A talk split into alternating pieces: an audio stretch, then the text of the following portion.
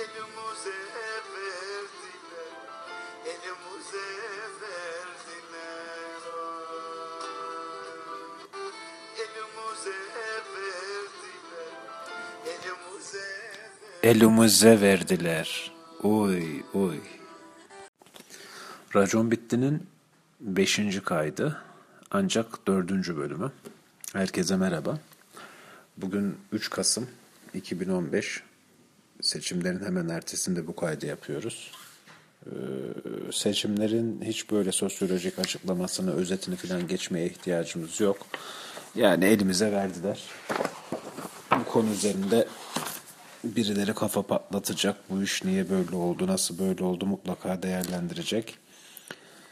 Bir önceki seçimi isabetli tahmin eden anket şirketlerine baktığımız zaman e, yüzde 42-43 maksimum söylüyorlardı. Şimdi neredeyse yüzde 50 oy aldı AKP. Nedeni herhalde bu işten anlayan birileri bunun nedenini ortaya koyacaktır. Bugünkü konumuz ama seçim olmayacak. Bugünkü konumuz gazetecilik, basın özgürlüğü. Bugün internette bir takım araştırmalar yaptım. Hani basın özgürlüğünde ülkemiz nerede? Ne değil, ne durumda? Bunun için. Şimdi RSF diye bir örgüt var. Bu örgütün Türkçe açılımı sınır tanımayan gazeteciler örgütü.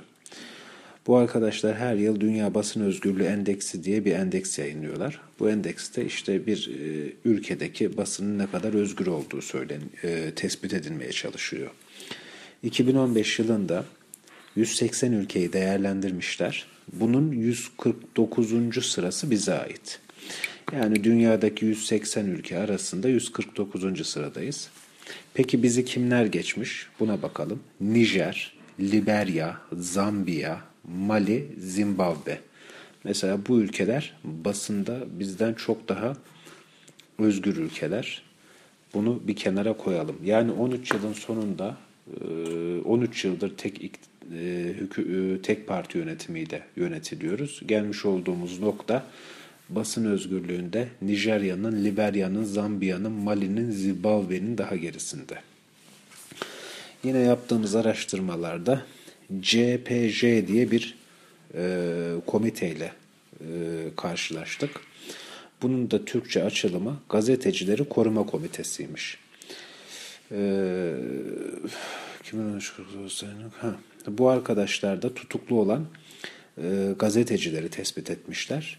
Ben 2013 yılı verilerinde ulaştım. 2013 yılında diyorlar ki 49 olan tutuklu e, gazeteci sayısı 40'a indi. Bir de e, Türkiye'deki tutuklu gazetecilerle ilgili olarak Necati Abay'ın tutuklugazeteciler.blogspot.com.tr internet sitesinde güncel rakamlara ulaştım. 17 Ekim 2015 tarihi itibariyle 26 gazetecinin tutuklu ya da hükümlü olduğunu gördük. Bu rakamların nereden aldığına baktığımız zaman da bu da Tutuklu Gazetecilerle Dayanışma Platformu isimli e, platformun rakamlarıymış. Yani ülkemizde e, gazetecilerin e, içinde bulunduğu durum bu. Basın özgürlüğü denilen bir şey yok. Peki bu bize neyi sağlıyor? Bu bize insani gelişmişliği sağlıyor. Yani ekonomik alanında istediğin kadar geliş, ifade özgürlüğü olmayan bir yerde yaşıyorsan nereye kadar mutlu olabilirsin? Bu gelişmişliğini ne kadar devam ettirebilirsin? Bakalım elimizde başka neler var? Basın özgürlüğüne ilişkin olarak böyle değişik bilgiler topladık. Bu bilgilerden birisi.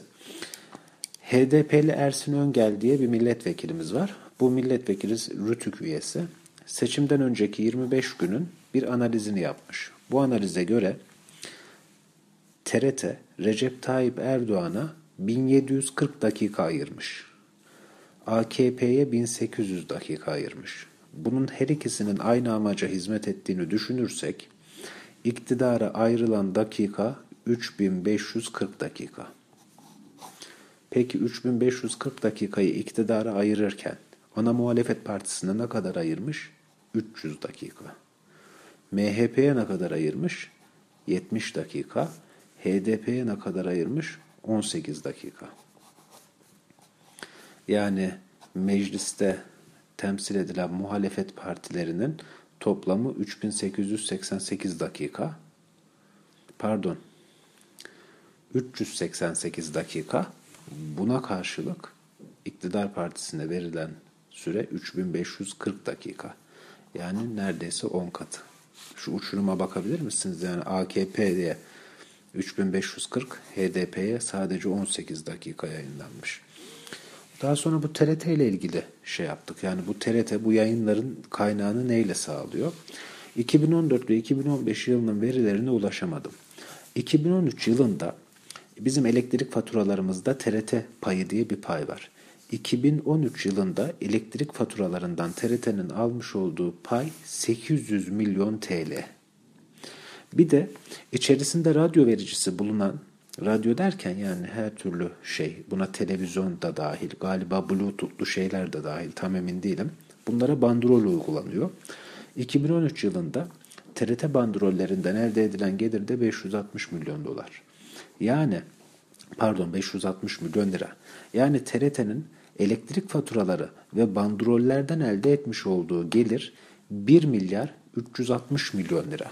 Bunlar direkt bizim vatandaşımızın cebinden çıkan para.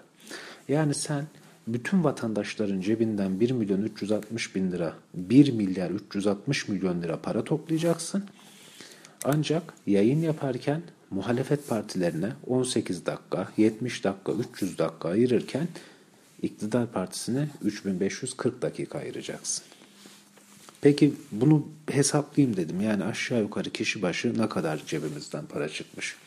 Şimdi 2013 yılında Türkiye'de çalışan nüfus 52 milyon. Çalışan nüfus bizim TÜİK e, e, istatistik verilerimize göre 15 ile 64 yaş arası bir insanın çalışabileceği aralık kabul ediliyor.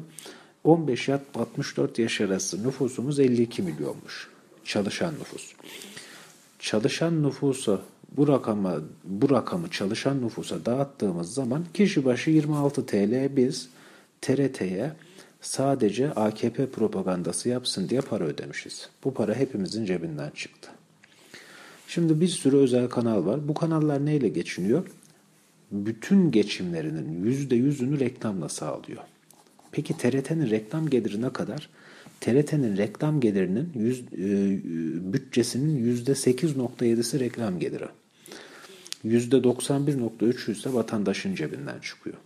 Yani bu adamlar 10 lira harcadılarsa bunun 9 lira 10 kuruşu vatandaşın cebinden çıkıyor. Aşağı yukarı 0.9 kuruşu da reklamda kendi kazanıyor.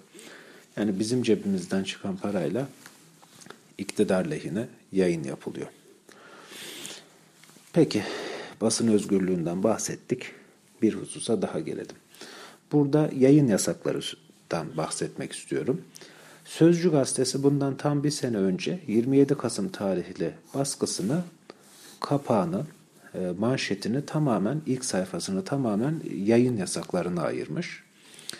E, belki yüzlerce konu hakkında yayın yasağı var. Ancak en e, çok dikkat çekenler şunlar.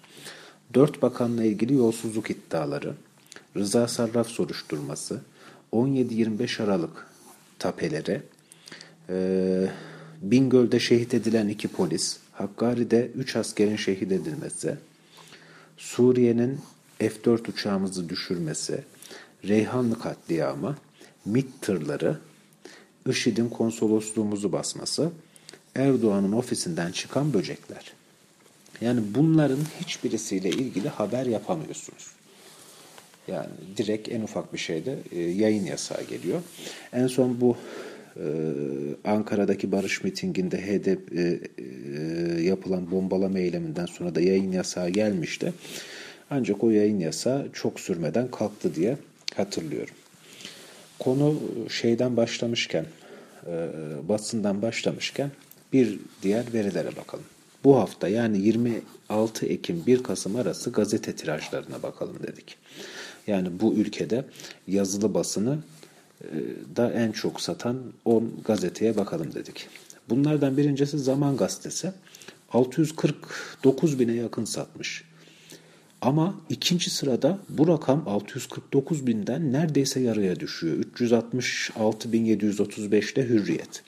Peki Zaman Gazetesi niçin bu kadar çok satıyor? Zaman Gazetesi'ni hiç kimse gidip bayiden almıyor. Çok ciddi bir şekilde bir abonelik ağı oluşturmuş. Yani zamanında cemaat güçlüyken işte cemaate iyi gözükmek isteyen hemen hemen işte muhafazakar, milliyetçi bütün esnaf bunu alır. Hangi berbere gitseniz mutlaka sehpanın üzerinde görürsünüz. Hangi bakkala, hangi, nereye giderseniz gidin bir zaman gazetesi görürsünüz. Yani 648 bin ciddi bir rakam. Bu rakam ikinci sıradaki Hürriyet gazetesinde birden 366 bine düşüyor. Yani e, bu trajik bir şey. Hürriyet gazetesinin hemen ardından Sözcü gazetesi geliyor. 323 bine düşüyor. Yani anormal böyle trajik bir düşüş yok. Daha sonra Sabah gazetesine sıra geliyor 319 bin. Daha sonra Posta'ya geliyor 303 bin. Yalnız buradan sonra düşüş yine bir trajik hal alıyor. Yani birinci gazeteden sonra 2, 3, 4 ve 5 e, mantıklı bir şekilde adım adım düşerken 5 ve 6. sıra arasında yine neredeyse yarıya yakın bir düşüş oluyor. Habertürk 6. E, sırada 178 bin satıyor. Daha sonra düşüş yine kabul edilebilir. Takvim gazetesi 162 bin, Fotomaç 168 bin, Türkiye 148 bin, Milliyet 147 e, bin galiba. Evet 147 bin. Dediğim gibi burada Türkiye'de değişik bir şey oluyor. Birinci sırada 640 bin, ikinci ise 360 yani 300-350 bin arası satan gazeteciler 2, 3, 4, 5. sırayı paylaşırken sonra rakam birden 170 bin lira 160 bin lira düşüyor. Bir de e, en çok satan ilk 5 gazete ile ilgili ufak tefek tespitlerimizi sizinle paylaşalım. En çok satan gazetemiz Zaman. Zamanı elinde bulunduran e, şirket Feza Gazetecilik. Bu e, cemaatin resmi yayın organı. Bayi satışları düşük, tamamen abonelikle ilgili. Abonelikle okurlarına ulaşıyor. Şu an hükümetle çatışma halindeler ve muhalif bir gazeteler. Yani birinci sırada bu 648 bin satan gazetemiz muhalif bir gazete olarak kabul edilebilir. İkinci sırada Hürriyet var. Hürriyet Aydın Doğan'ın yani Doğan Yayın Holding'in Seçim öncesi hükümetle çok çatışma halindelerdi. Aydın Doğan e, Cumhurbaşkanı'na hitaben mektuplar filan yazıyordu. Ancak bu adamlar e, rüzgar tersten esmeye başlayınca AKP tekrardan tek başına iktidar olunca büyük bir ihtimalle e, ılımlı bir politika izleyecekler. Hani gerekirse bazı sivri isimleri gazetelerinden göndereceklerdir diye tahmin ediyorum. Yani bunların baba yiğitlikleri bizim milletimiz gibi. Bir dakika. Bizim milletimiz ne yaptı AKP'ye? Arkadaş ben seni tek başına iktidarda görmek istemiyorum dedi. 3 ay boyunca işte döviz kurları filan anormal seyretti. 600-700 ee, insanımızı terör olaylarında yitirince yani seçmenin ağzının üzerine AKP tokadı vurunca seçmen hemen çark ederek Tamam abi sen yine tek başına iktidar ol dedi. Hürriyet de böyle. Yani hükümete kendi çapında dayılandı ama ben bunu daha uzun süre devam ettirebileceğini, devam ettireceğini düşünmüyorum. Yani bunlar konjüktüre göre hareket eden adamlar. Üçüncü sırada Sözcü gazetemiz var. Sözcü gazetesi de 323 bin satıyor. Ee, buraya not aldım ama kendi yazımı okumakta güçlük çekiyorum. Burak Akbay isimli bir kişinin bu gazete. imtiyaz sahibi o. Yani Wikipedia da bu gazeteyi açıklarken Atatürkçü ve ulusalcı olarak tanımlamış. Yani gerçekten e, Atatürkçü yayın yapan bir gazete. Hatta sözcü yazısının hemen yanında da Atatürk'ün gözlerini figür olarak kullanmışlar. İşte Cumhuriyet Halk Partisi'de daha böyle ulusalcı, Atatürkçü, insanlara hitap eden bir gazetenin bu kadar çok satması da güzel. Hemen ardından sabah. Şimdi sabah bir gazete değil, sabah ne bir propaganda yayını. Yani haber değeri taşıyan hiçbir şeye imza atmıyorlar. Bunlar tamamen e, bu havuz medyası. Peki havuz medyası ne? e, Başbakan, zamanın Başbakanı Recep Tayyip Erdoğan e, bazı basın yayın organlarının ele geçirilmesi için bir havuz oluşturdu. Bu havuza iş adamları paralarını koydular. Daha sonra bu havuzdaki parayla basın yayın organları satın alındı. Sabah gazetesi de bunlardan birisi.